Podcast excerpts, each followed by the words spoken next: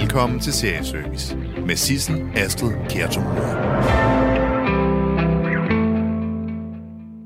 Så laver vi simpelthen serieservice. Jenny, Sejer, Junghans. Det er jo sådan lidt... I dagligdags vil jeg nok sige, det er en lidt skizofren oplevelse. Ikke helt at vide, om man er live eller ej.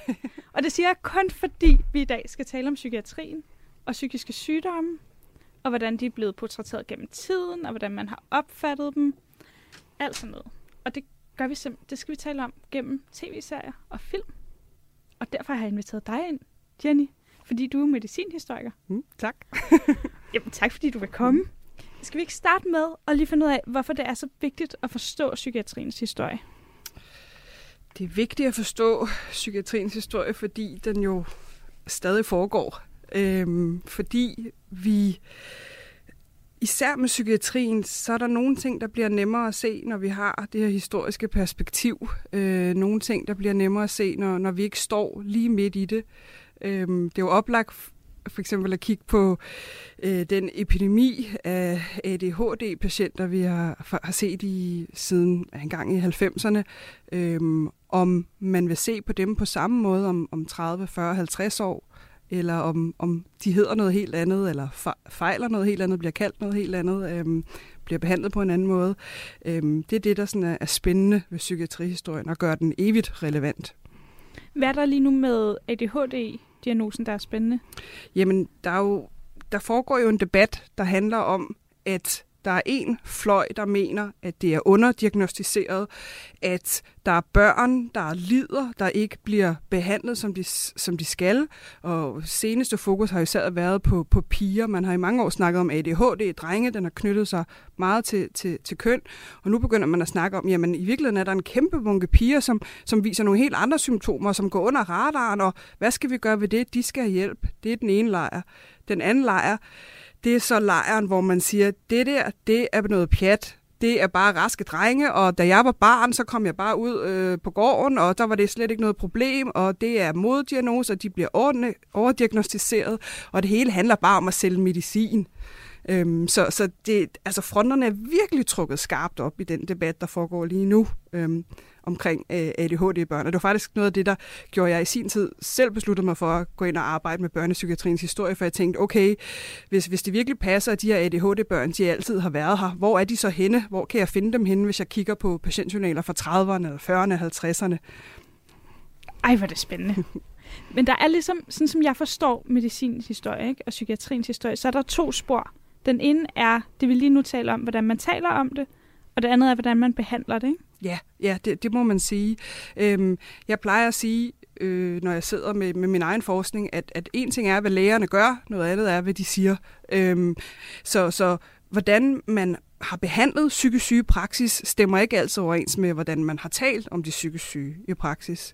Og sådan, hvis vi skal skrue tiden øh, på 100 år tilbage, så, så sker det, det helt store skift sker i, i sådan kølvandet på oplysningstiden. Det sker i slutningen af 1700-tallet, starten af 1800-tallet, hvor man fra at mene, at psykisk sygdom er noget selvforskyldt, at det er en straf for et amoralsk levnet, måske ovenikøbet en straf for Gud, så går man til at mene, at det er en sygdom, og når noget er en sygdom, så kræver det behandling, og det kræver også med lidenhed for sygdom, at man per definition ikke selv skyld i. Det er i hvert fald holdningen på det her tidspunkt. I dag snakker vi om livsstilssygdom, men det er en helt anden, en helt anden snak. Øhm, så der sker det her kæmpe, kæmpe store skift, hvor det lige pludselig er lægerne, der går ind over og tager over, og i løbet af 1800-tallet, der ser vi i hele Europa øh, opbygningen af psykiatriske hospitaler. Øhm, og der forsøger man sig så med at behandle øh, patienter. Det, det sørgelige ved historien, eller det lidt triste, det er jo, at, at der er meget lidt behandling her i 1800-tallet. Det er først øh, efter 2. verdenskrig, det vil sige omkring 1950'erne, at der egentlig kommer gang i det, man kalder med et meget langt og vanskeligt ord, psykofarmakologien, øh, som jo handler om udvikling af psykofarmaka. Ej, hvor er det spændende. Jeg synes det første, jeg synes vi skal holde os til det første spor i første omgang. Mm-hmm. Altså det der med, hvordan man taler om det. Og jeg ved, at du har bedt mig om at se Gøgereden. Ja. Fordi hvad er det, der sker, da den kommer ud? Jamen, Gøgereden er, er jo bygget på den her øh, berømte roman, og det er jo en fantastisk film, og det er en film, rigtig mange kender.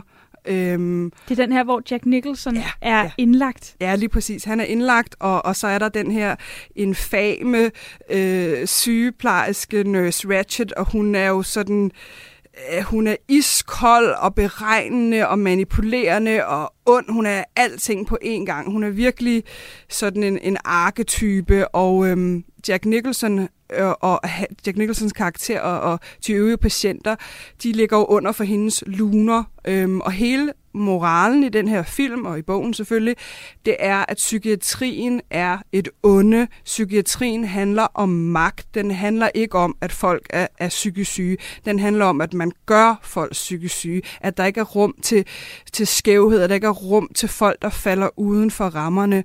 Og det er en bevægelse eller et nyt syn, en ny samtale, der opstår i omkring 1960'erne, 1970'erne, øhm, og det kalder man antipsykiatrien, eller den antipsykiatriske bevægelse. I Danmark, der bliver den eksemplificeret ved noget, der hedder galebevægelsen, kalder de sig som simpelthen også nogle aktivister, der netop er, er imod øh, det, de kalder medikaliseringen øh, af, af, af, kan man sige, af normal adfærd. Det er det, det hele handler om her. Så, så i, det omkring 1970'erne, der sker der et kæmpe brud i forhold til, hvordan vi taler om psykisk syge, og den Øhm, den debat, som der foregår omkring ADHD, den er jo, vil jeg sige, kan også føres tilbage hertil, fordi det er jo netop den her idé om, at nogen bliver overmedicineret, fordi de bare ikke passer ind, men at de i virkeligheden ikke er rigtig syge, eller det vi forstår ved rigtig syge.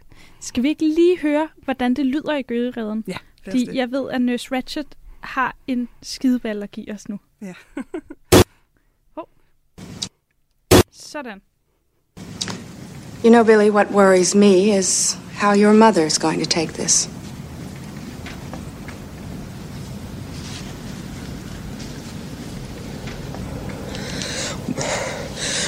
Um, um, well, you, you, you don't, don't have to t- t- t- tell her, Miss Ratchet.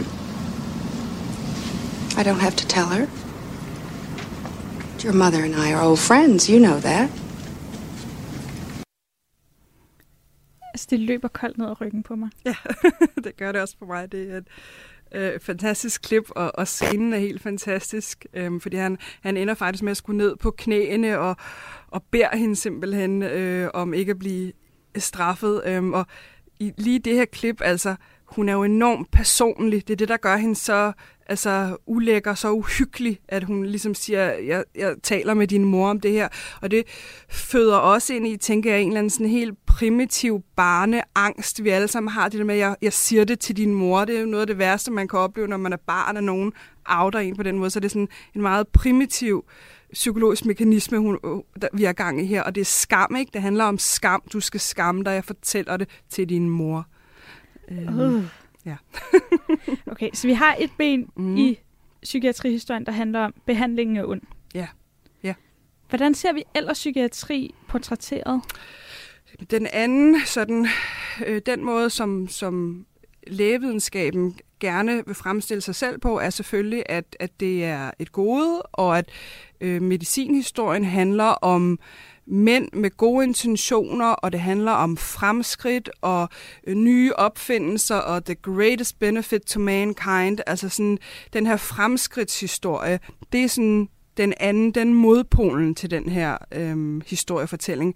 Den ser man øh, Øh, dog ikke rigtig fremstillet, vil jeg sige, på film og tv, for den er, mm. den er for unuanceret. Den er der trods alt ikke nogen, der tror på, at det bare er øh, det, en fremskridtshistorie. Der, der findes eksempler på det, men, men der er også en tendens til, at folk vil gerne se noget, der er mere dramatisk. Vi vil ikke bare se en historie, hvor det hele ender godt. Vi vil gerne se, at der skal være nogle skurke, ikke? og så, så, er det, så er det spændende, når det er de folk, der skal passe på os, der bliver til skurkene. Ja. Jeg har jo talt med dig lidt om det her før. Og du nævnte, at horror-genren er rigtig glad for psykisk sygdom. Ja. ja. Øhm, traditionelt set, så, så ser man psykisk syge, altså de øh, figurerer meget, meget oftere i horrorfilm og horrorserier end, end i, i, i særlig meget andet. Øhm, og det skyldes jo øhm, dels noget med, at øh, skurkene i horrorfilm og serier også altid er mænd. Og der, der er en tendens til inden for film og tv, at hvis, hvis en mand er psykisk syg, så bliver det en horrorfilm og hvis en kvinde er psykisk syg, så bliver det ofte noget komik eller noget lidt blødere, måske et drama, hvis det er rigtig godt. Ikke? Øhm, men horrorgenren kan rigtig godt lide psykisk sygdom. Det kan rigtig godt lide at, at gøre os bange for psykisk sygdom. Og, og, og, det, og det føder jo også ind i, at at psykisk sygdom har været svært at forstå. Man kan jo se, se det helt tilbage fra, fra Psycho, ikke Hitlers, øh, øh ikke Hitlers, så sorry. Nej, det er jo øhm, ja, øh, undskyld, helt tilbage fra, øh, og hvad det nu han hedder, når jeg har glemt hans navn. Jeg har lyst til at sige Scorsese, men det er forkert. Nå, jeg skal huske det. men det er i hvert fald ikke Hitler, der har instrueret. Hitchcock, sådan Hitchcock, der. Der, der var den. Sorry.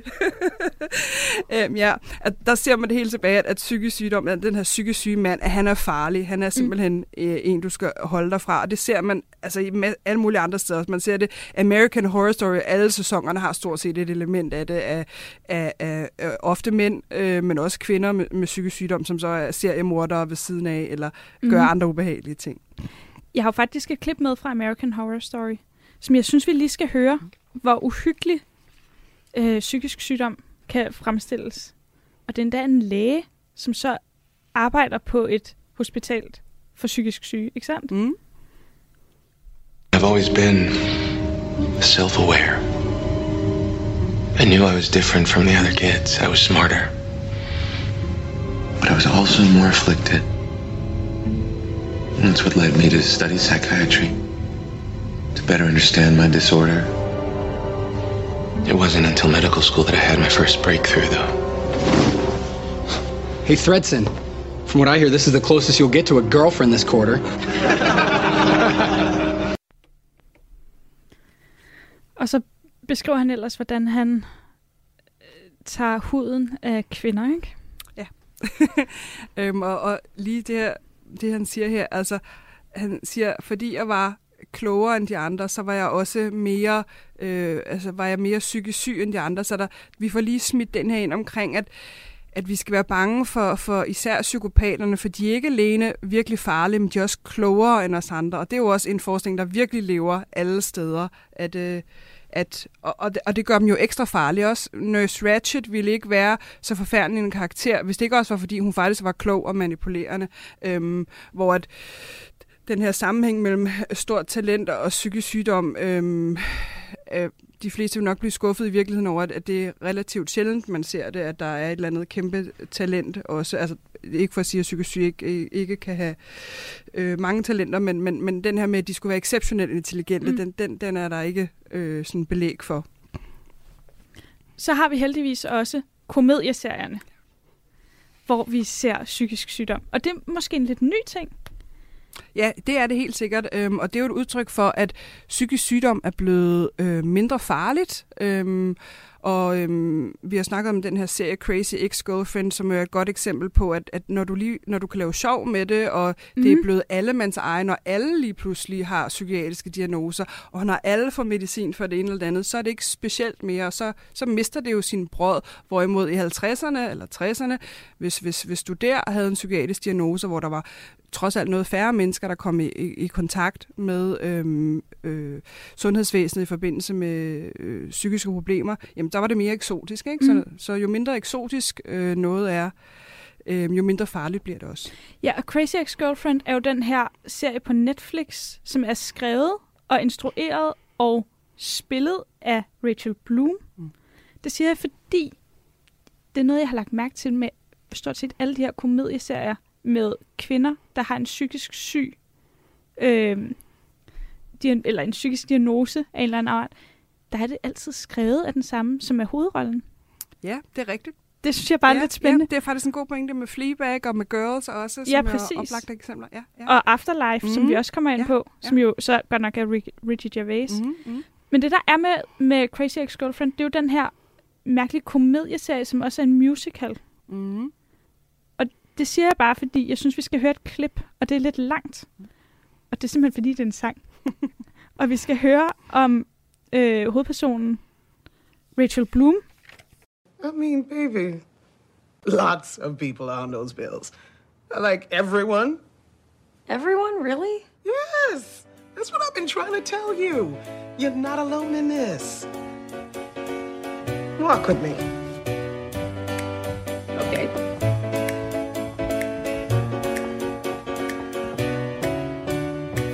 Fluoxetine, fluoxetine. Paroxetine, paroxetine. Citalopram, citalopram. Take once a day. Fluoxetine, fluoxetine. Paroxetine, paroxetine. Citalopram, citalopram. May cause dry mouth. From the moment that we learn to walk and speak, our parents tell us everyone's unique. Now, I'm not saying special because you're sad. Not special, no, you're not. The butcher, the baker, the grocery clerk, they're all on 20 milligrams or so. The movers. The shakers, the happy homemaker. You'd be surprised how many of them know. Antidepressants are so not a big deal. Big whoop on an antidepressant. Sweet treats, here's the deal. Welcome to the club with open admission. You're cast in the play that has no audition. Yes, everyone is special. That's usually the sitch. But when it comes to meds, you're such a basic bitch. I lost my job, and for six months I couldn't leave my bed. When my husband died, I stopped bathing and watched Christian TV instead. Ooh, now we're on pills and it's less of a slog. Just ask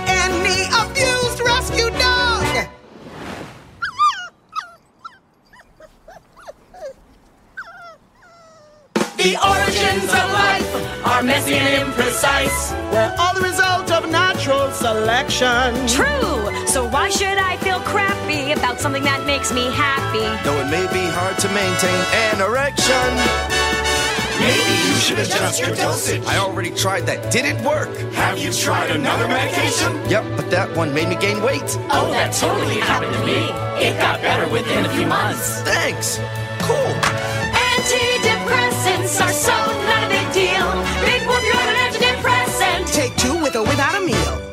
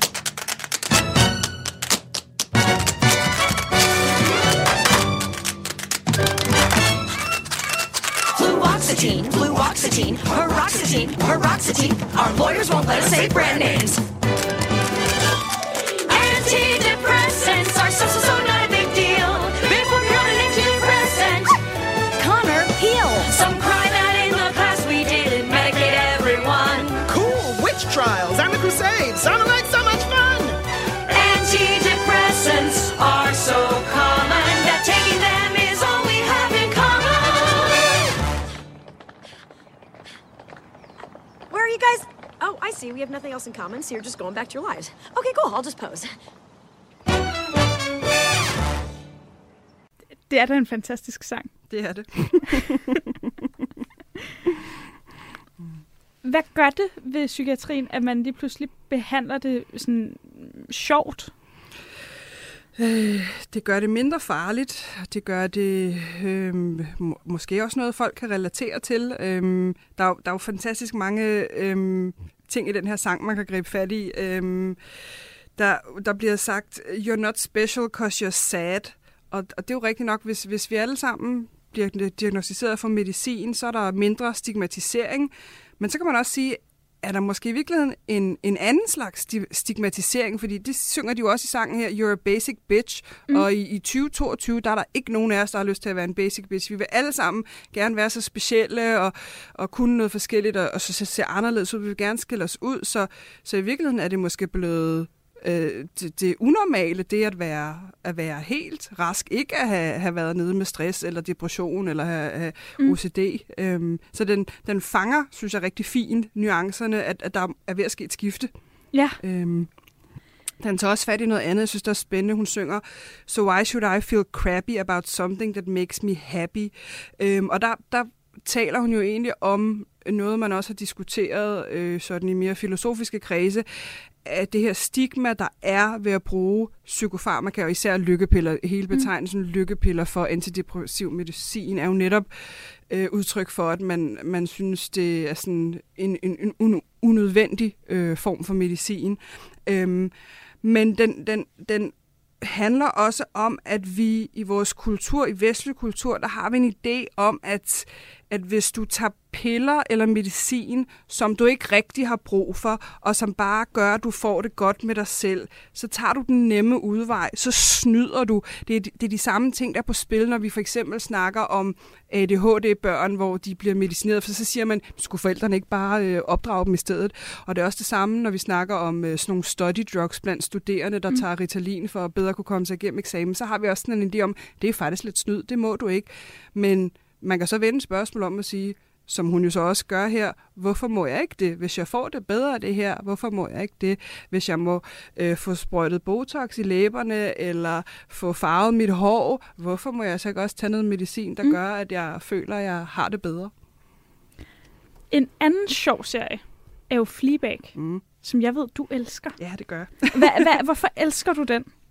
Jeg elsker den, fordi Fleabag-karakteren, som, som jo ikke har noget navn. Vi får aldrig navnet på hende. Øhm, Men øh, hun er skrevet og spillet af Phoebe Waller, Waller-Bridge. Ja, lige præcis. Øhm, og hun, hun er så hudløs. Hun er så øh, hudløs og ærlig og sårbar i alt, hvad hun gør. Og så samtidig har hun jo sådan et, et mærkværdigt sådan skær af selvbedrag, som ligesom øh, hopper op og ned i, i løbet af serien, og hvis man ikke har set den, så vil jeg bare sige, se den, og så vil jeg så heller ikke røbe, at der jo netop sker noget omkring det her selvbedrag i, i slutningen af sæson 2, hvor at, øh, kameravinklerne lige pludselig ændrer sig. Der, der sker noget, der får vi lige pludselig der bliver, der bliver hun måske i virkeligheden mere privat, hvor sådan som vi har hende i starten af serien, der er hun totalt selvudleverende totalt selvudleverende. Mm. Og på den måde har hun meget til fælles med Hannah i Girls, som også er totalt selvudleverende. Øhm, og det er måske det, der er med de her kvindelige karakterer, dem der skriver om deres egen psykisk sygdom, psykiske problemer. De, de, de viser det hele. Øhm, og det er der noget charmerende i, og der er også noget, ja, der er noget komik i det, men måske dækker det i virkeligheden, måske det er også et spil for galleriet. Skal vi lige høre Fleabag være selvudleverende? Ja. ja. I have a horrible feeling that I'm a greedy, perverted, selfish, apathetic, cynical, depraved, morally bankrupt woman who can't even call herself a feminist. Hold da op. Ja. Ja. Det, det, er sådan, det er virkelig ømt, ikke? Jo. Det gør faktisk lidt ondt, når man, når man hører det.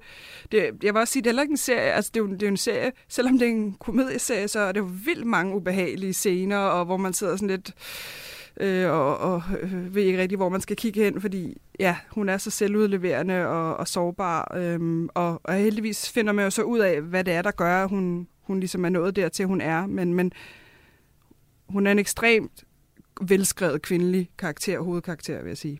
Så Fleabag får en guldstjerne ja. af medicinhistorikeren? ja, klart. ja, det vil jeg sige. ja, på en eller anden måde meget rart vi har jo lige sådan kort berørt Hannah mm. fra Girls, som jo så er spillet og skrevet af Lena Dunham, som jo også er selvudleverende. Og jeg synes, vi lige skal høre, hvordan hun taler om sin OCD over for sin terapeut. The counted stuff was bad. What did you count? Uh, every pulse in my vagina. Um, I would force myself to see things on a loop of eight, like sexual things, murder things. So it was really a classical presentation. Well, okay. And I guess it's classic to have to masturbate eight or 16 times a night until your legs shake and you're crying and you're trying to make sure that your parents didn't hear you. So you check their door eight times. Then you move your toothbrush 64 times. Then you move your dad's toothbrush 64 times. Then you go back and forth between the two, moving each one eight times until you've reached 64 times. But then you realize that that doesn't feel quite right either. And suddenly it's three in the morning and you're fucking exhausted and you go to school the next day looking like a zombie. It's classical. Hvad siger vi til det, Jenny? Øh, der, der er jo øhm, der er mange ting på spil i det her lille klip. Øh, for det første er det jo den her nogen af 20-årige øhm, kvinde, der sidder over for den her midalderne mandlige terapeut, som til synligheden ingenting forstår, og som bare bagatelliserer hendes oplevelser øh, helt øh, i jorden. Øhm, og, og, og det er klart, det bliver, det bliver hun nødt til at sige, sige noget til. Ikke? Øhm, så, så, så det Øh, Øh, det, det handler måske også om, at kvinder traditionelt set i psykiatrien ikke altid er blevet mødt og ikke er taget alvorligt. Øhm, det, det, det er noget af det, nogle af de historier, der er på spil i det her lille, lille klip. Øhm, at hun virkelig bliver nødt til at sådan spell it out, før at han egentlig forstår, hvor, hvor galt det her er. Altså, der i, i 60'erne og 70'erne, der er der jo også i USA, snakker man om Mother's Little Helpers, altså som er, at øh, sådan, alt for mange amerikanske hjemmegående husmøder, de bliver nødt til at bedøve sig selv med, med valium og andet for at holde livet ud. Men det er igen sådan en, et symptom på, at man ikke altid har taget kvinders problemer seriøst, og, og måske bare bedøvet det. Bedøvet ubehaget. Uh. Ja. Inden hun kommer så langt til at komme i terapi, så har hun en middag i starten af første sæson med sine forældre, som, øh, som bemærker noget.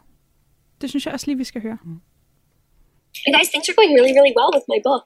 You know, my first pages are due next week, and I've gotten a lot done. So I feel like if I continue at this rate, then I'm going to get there quickly with the book. What's up, honey? And I'm just telling you about my book. You're counting to eight. No, she's counting. No, I'm not. Look, if your head is filling up and you're getting county, we, we need to know. We can help you, but not if you don't let us know. Well, how would you help me? If it was going on, theoretically, which it isn't, so I don't need help. We'd bring you home for a little bit and get you straightened out with uh, Dr. Shupak with your uh, with your OCD. Dr. Shupak is a pediatrician, okay? And I don't have OCD. If I did have OCD, I would tell you because I wouldn't be able to hold that in. Sweetie, you're not holding it in. I'm not holding it in because I don't have to hold it in because it's not going on, Mom. Da jeg så det her klip, så var der noget, der gik op for mig. Og det var, det er utroligt, hvor simpelt, eller hvor nemt det er for Hanna nu at få hjælp. Mm. Altså, det, det er et stort privilegie, at hun får, at hendes forældre er der. Ja.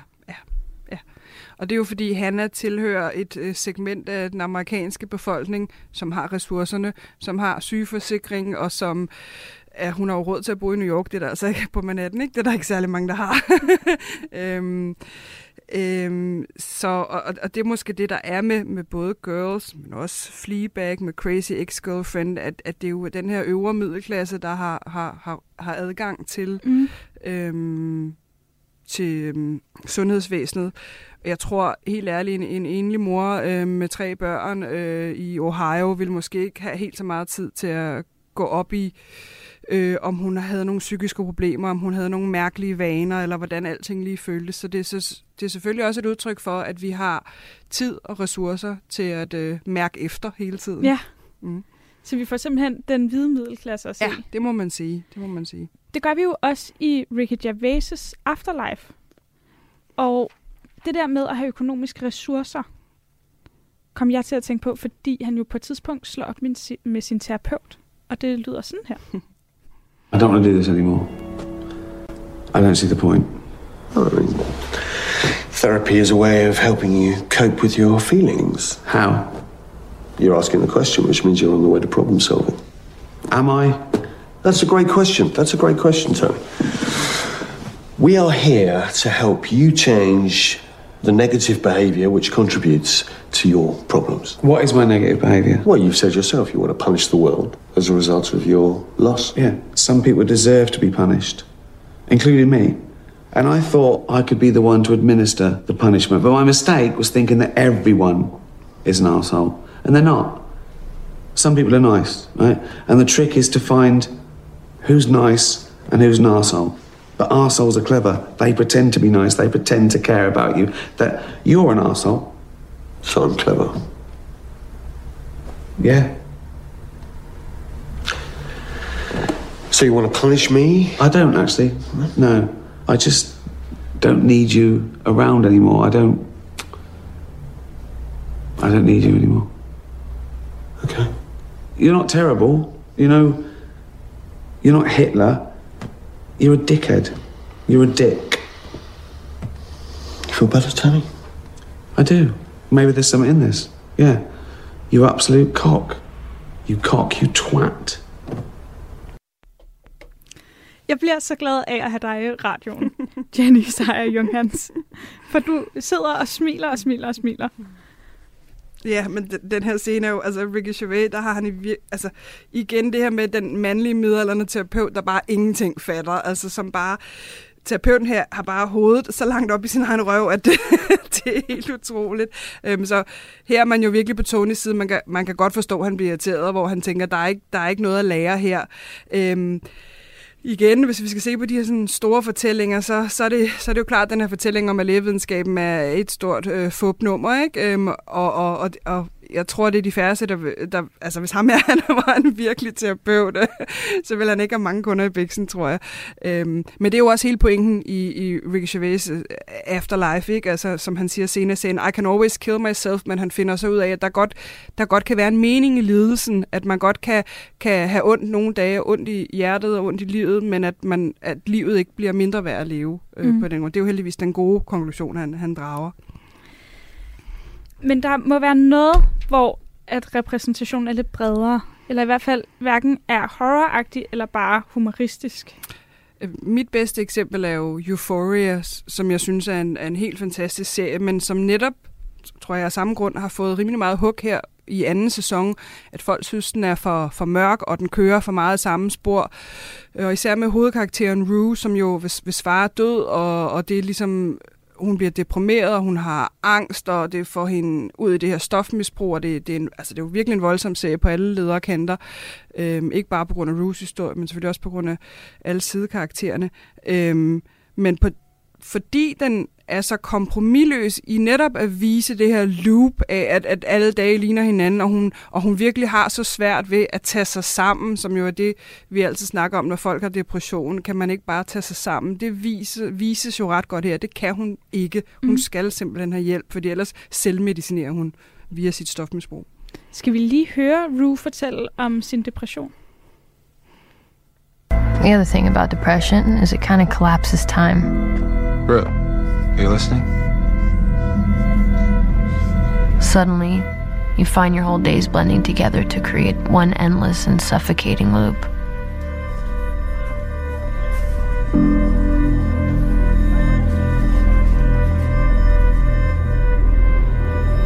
So you find yourself trying to remember the things that made you happy.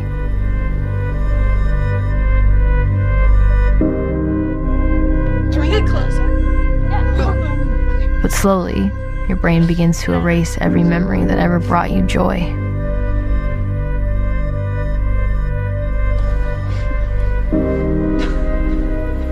And eventually, all you can think about is how life has always been this way.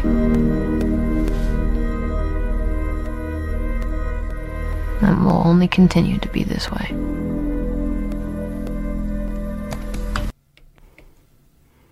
Hvad siger medicinhistorikeren? ja, altså stemningen i, i klippet her er jo... I virkeligheden er det svært.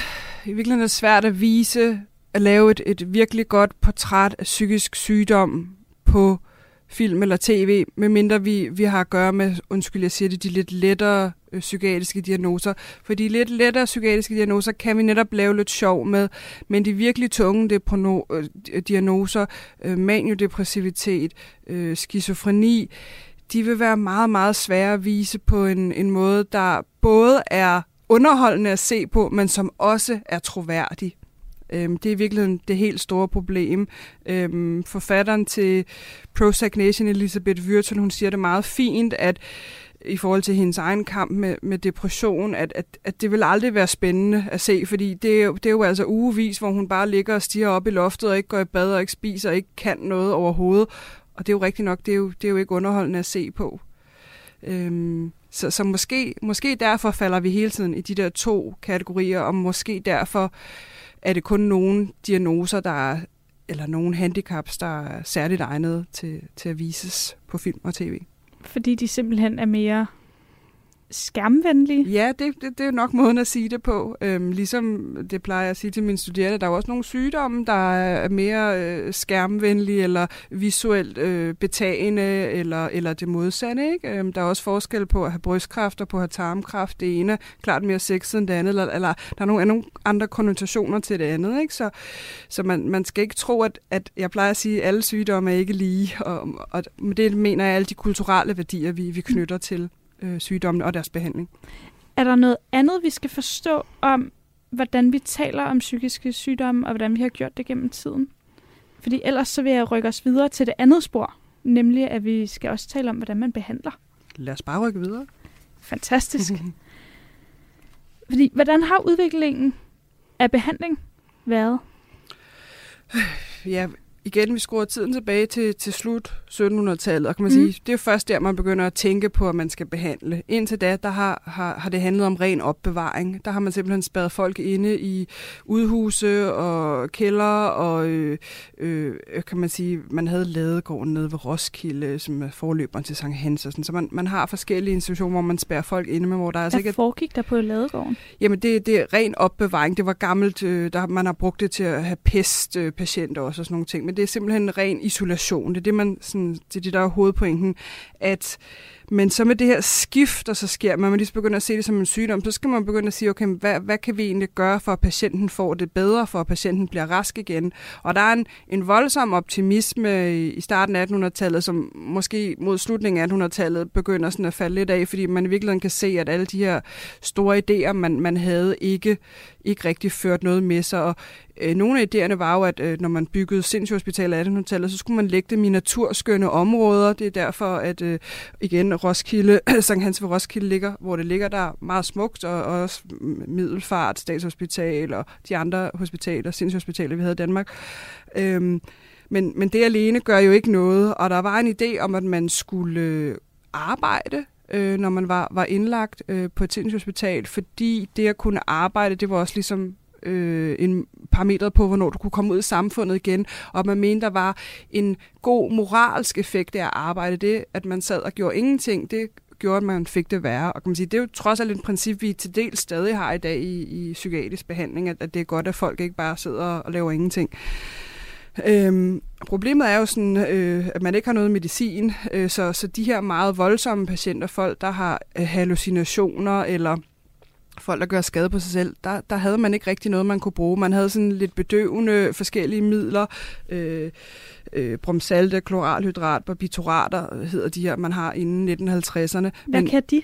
Jamen, de kan bedøve, altså bedøve patienterne, men, men de voldsomste patienter havde de ikke nogen effekt på. Og så er der jo ikke andet tilbage end at spænde folk fast. Så det er jo øh, tvangsluffer, det er øh, spændetrøjer, det er øh, bælter, ikke, så man simpelthen bliver spændt fast i sengen.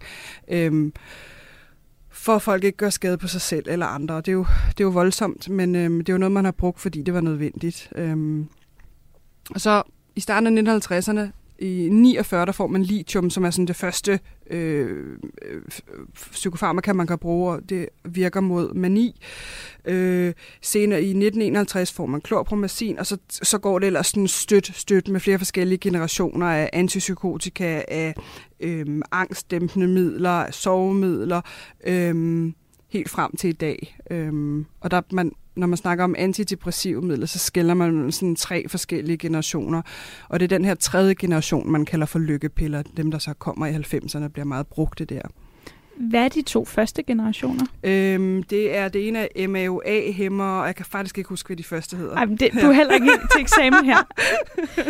Det er du slet ikke, Så. fordi du har, jeg ved, du har taget et vidunderligt klip med. Eller vidunderligt og vidunderligt. Du har taget et klip med fra The Nick. Mm. Og vil du ikke fortælle om den serie, Ja. som kan ses på HBO? Ja.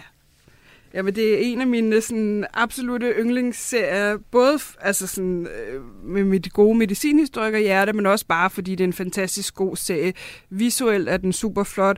Clive Owen spiller øh, som altid fantastisk, øhm, men det er en serie, der forsøger at vise, hvordan det her medicinske gennembrud, som sker lige omkring starten af 1900-tallet, altså om, om det medicinske gennembrud her, det er, at, at lægerne simpelthen lærer at vaske hænder, og de lærer at rense deres instrumenter, når de går fra en operation til en anden. Altså sådan, alt det her omkring antiseptikken bliver slår igennem her, og det er det, det, det serien viser rigtig godt. Den viser også alle mulige andre ting.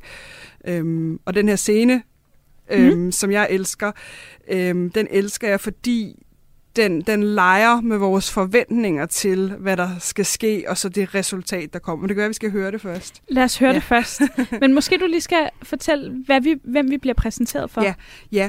Øhm, en, af, en af lægerne i, øhm, i serien her, som er ansat på hospitalet, Knickerbocker Hospital, øhm, han har en kone, der er øh, blevet sindssyg. Hun har slået... Nej, undskyld, deres barn er, øh, er dødt. Øh, og så har han forsøgt at give hende et erstatningsbarn, som hun så slår ihjel, og så bliver hun simpelthen indlagt øhm, på et sindssygt hospital. Og nu skal han møde hende for første gang, ikke? Ja. Lad os se, hvordan det går. Physicians in other disciplines believe the mind is not a place where sickness can fester, but I assure you, it can. This way, please. Disorders of the mind must not be treated casually. Indeed, we must be aggressive if our patients are to improve. Hmm? Of course, Dr. Cotton. Step in. I'm grateful for you taking on my wife. Well, it came at the request of our teacher, Dr. Meyer at Johns Hopkins. There's no man I more admire. Henry, whatever the cost, our families are willing to pay it. We want the best possible care for Eleanor. Ah, well, she's receiving it. Please. Eleanor, you have a visitor. Hello, sweetheart.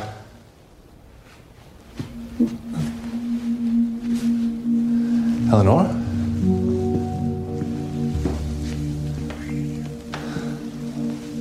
Eleanor, it's me, Everett.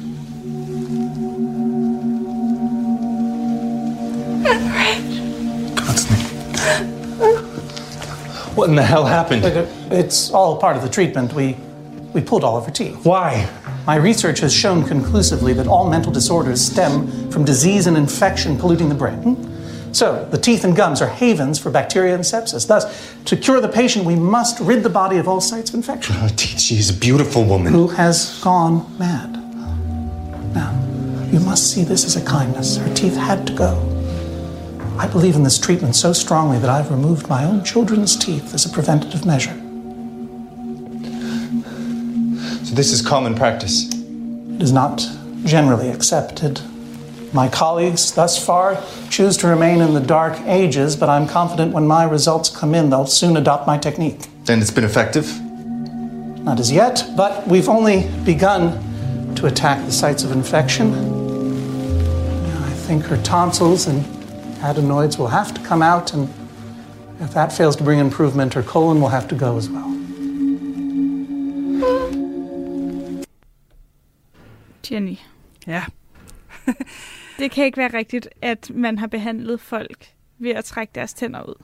Det er faktisk helt rigtigt. Ej. Som, som han også siger, lægen her, så er det dog sådan en eksperimentel behandling. Øhm, så det var ikke sådan voldsomt udbredt, men, men der er eksempler på det. Og han nævner også, øh, at han har behandling for den her læge, øhm, øh, Dr. Meyer her ved, ved, øhm, i USA, som også var, altså som virkelig er sådan en berømt øh, person inden for psykiatrien. Så det var ikke bare... Hvem var han? Nogle hals... Jeg, jeg er ikke sådan, kan ikke hele hans Nej. historie, men, men, men han var ikke en nobody, så det, det Okay. var altså folk, der, der virkelig kunne noget. Øhm, øhm, så det var ikke bare noget, man foretog i en kælder eller noget. Det, det var faktisk folk, der, der øh, forskede i det øhm, og havde den her teori. Og altså den her teori om, at psykisk sygdom jo kunne skyldes, at der var en eller anden infektion et sted i kraniekassen, som så kunne være nede ved tænderne. Og det er faktisk, altså der er, der er ikke noget øh, bevist, at der er nogen sammenhæng, men, men i virkeligheden den her idé om, at tingene måske hænger lidt alternativt sammen, er ikke, som, altså, ikke så fremmed for os i dag. Lige nu foregår der forskning i, hvordan øh, miljøet i tarmene, det, det, det netop også påvirker resten af kroppen. Så den her idé om, at en infektion kan sidde et andet sted i kroppen, og så have effekt et andet sted, den er, den er, ikke, den er ikke helt så åndssvag, som den lyder. Det, det skal man lige huske på. Men, øh, men øh, Øh, mig bekendt er der ikke noget, noget øh, der siger, at, øh, at tandinfektioner skulle kunne gøre, at man lider af psykiske sygdomme. Men det er jo det, der så øh, vi bliver præsenteret for her. Og det, der fungerer så godt, det er, at i det Dr. Gallinger her, han bliver ført hen til sin kone, så får han at vide, she's receiving the best possible treatment. Og så tænker vi jo, okay, nå, så, øh, så er er hun nok et rart sted, men så, så kommer der det her enorme chok, når vi så som tilskuere ser, at hun simpelthen har fået fjernet alle tænderne. Øh, og det er virkelig mere grusomt, end de fleste af os kan forestille os. For når vi tænker på forfærdelig psykiatrisk behandling, så tænker vi jo netop på folk, der er i spændetrøjer, folk, der er spadet ind. Og det her, det er lige skridtet videre, end hvad, hvad de fleste mennesker tænker på. Jeg får det helt dårligt. Ja. ja. Jeg har et andet klip med fra medicinhistorien, som jeg gerne vil høre, om det her også virkelig kan passe. Det er fra øh, Netflix-serien Ratchet, mm. som jo også er i horror-genren, ikke? Ja, det må man sige. Og, øh, og Nurse Ratchet overvejer simpelthen en operation. Og det synes jeg, vi bare lige skal høre lidt af, hvordan det lyder.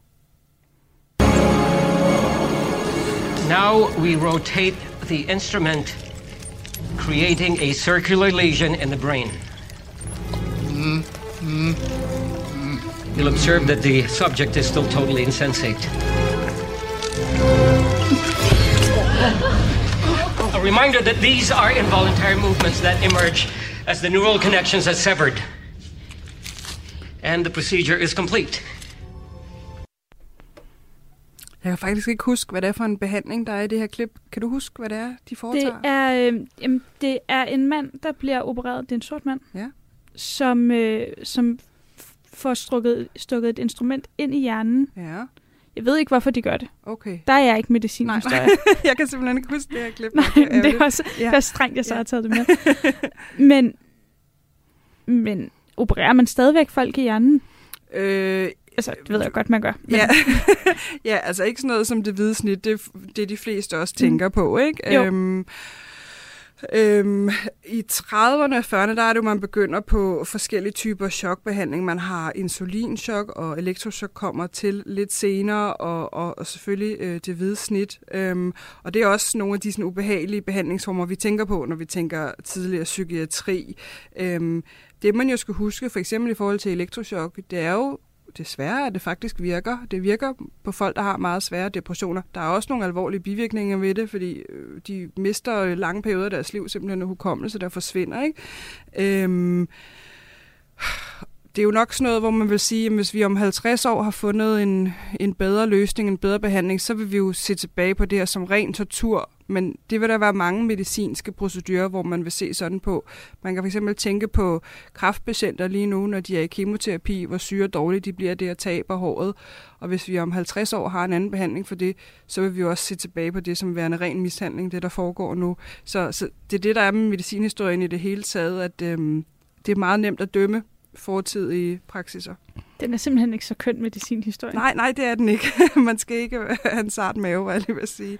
Nu vil jeg sige lige her med, med Ratchet, det er, jo, øh, det er jo den samme øh, forfatter, som også har skrevet American Horror Story, og han har sådan en forkærlighed for, at det meget dramatiske, og det meget farverige, og det, det skal man kunne lide, hvis man ser hans serie, men man skal ikke lægge for meget i øh, sådan, det, det er ikke så historisk korrekt, der, der vil jeg klart anbefale det Nick, hvis, hvis det er det, man går efter. Men derfor er det stadig underholdende.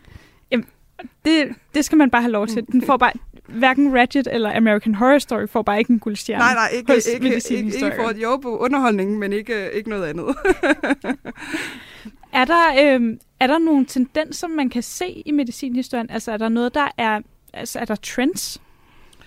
Øh, I medicinhistorien eller øh, i medicinen? Altså du? i, ja. i medicinen eller i psykiatrien? Ja, ja, i psykiatrien, der er jo, altså, det er jo ikke de samme diagnoser, vi bruger nu, som vi bruger i 1930'erne. Så, så kan man sige, er det trends, eller er det en naturlig udvikling? I starten af 1900-tallet, der, der kan man jo ikke blive enige om, øh, hvilket diagnosesystem man skal bruge. Det kommer først øh, i, i midten af 100 cirka. Der begynder man at ligesom have en international klassifikation, som man bruger, så vi er sikre på, at når man snakker om en depression i Danmark, så er det også det, man snakker om i Amerika eller i Indien. Så forsøger man at lave nogle internationale retningslinjer. Øh, men trends, der er, jo, der er jo nogen, der vil sige, at, at ADHD, øh, eksplosionen af den diagnose, at det er en trend lige nu. Øhm, I min forskning, der har jeg set, at, at, at i, i, i 30'erne i Danmark, der var danske børnepsykiater enormt rundhåndet med at uddele psykopatidiagnoser til, til børn, med det store men, at psykopati ikke betød helt det samme, som det gør i dag, men, men, men stadig, at de ret ukritisk delte den her diagnose ud, til trods for, at det, de forstod ved den, var, at det var uhelbredeligt, og det var noget, at det var alvorligt, man ville lide af det hele livet, og at, øh, at de i virkeligheden ikke var egnet til at være ude i samfundet, men, men der, der sker så det grunden til, at de går væk fra det igen. Det er, fordi man laver sådan nogle follow-up studies, hvor man undersøger sådan 10-15 år senere, gud, hvad, hvad er der så egentlig sket med de her børn? Så kan man se, at de har egentlig klaret sig ganske fint. De er kommet i arbejde og blevet gift og fået børn. Så var de sgu nok ikke psykopater alligevel. Og så, så begynder man at se, at den her diagnose, den er nok blevet brugt lidt for lemfældigt. Og det kan jo være, det kan være der sker en lille udvikling med, med ADHD om, om et år 10 eller to. Jeg ved det ikke, det, er jo, det må vi se. Det er meget spændende. Inden vi slutter, så vil jeg bare høre, er der nogle ting, som du vil anbefale eller ikke anbefale, man, man giver sig i kast med at se, hvis man skal forstå psykiatrien? Øh, fuh. Så er der nogen, vi har talt om Fleabag, den ja, er god nok. Ja, den, den synes jeg er klart er min favorit. Øhm, men den er selvfølgelig ikke så spot on på psykiatrien. Den er mere et portræt af en, af en kvinde, der har nogle psykiske problemer. Men den gør det på en, en måde, der er så nuanceret, synes jeg, at, øh, at den er god. Jeg synes i virkeligheden også, at uh, Girls er rigtig god. Øh, til trods for, hvis vi ligesom kan tilgive, at det bliver sådan lidt øh, upper white middle class, øh, så, så har den faktisk nogle, nogle ting, der er til at identificere sig med. Det spændende bliver jo, om der kommer nogle tv-serier eller film, som i højere grad netop tør behandle øh, andre øh, socialklassers oplevelse af psykisk sygdom, eller andre nationaliteter. Øhm, det kunne være spændende at se, når det kommer. I, igen, min, min bedste anbefaling må altså være det Nick, men, men det, der skal man have en interesse i medicinhistorie, eller være helt vild med Clive Owen, som der er masser af. Ja, heldigvis. Og The Nick kan man se på HBO, og Fleabag kan man se på Amazon Prime. Ja. Girls kan man se på HBO. Jeg er altså ret glad for uh, Euphoria, som ja, man også kan undskyld, se på ja. HBO. Fantastisk, den er også fantastisk. Og ved du hvad, jeg ved godt, du ikke kan lide den, men jeg kan også godt lide Crazy Ex-Girlfriend. Og det skal man ikke, altså, være, det skal man ikke skamme sig over. Vi dømmer ingen her. Nej, præcis. Inden vi slutter, så synes jeg, vi lige skal høre et dejligt klip fra Fleabag, og så slutter vi af med et, en sang fra Crazy Ex-Girlfriend mere. Er du okay med det? Det er jeg. Så er vi begge to tilfredse. ja.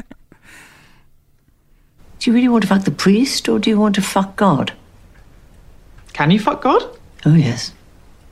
Uh, just, just please tell me how to not fuck a priest before I get arrested. Well, I don't think fucking a priest will make you feel as powerful as you think it will. Can you just tell me what to do? You know. You already know what you're going to do. Everybody does. What? You've already decided what you're going to do.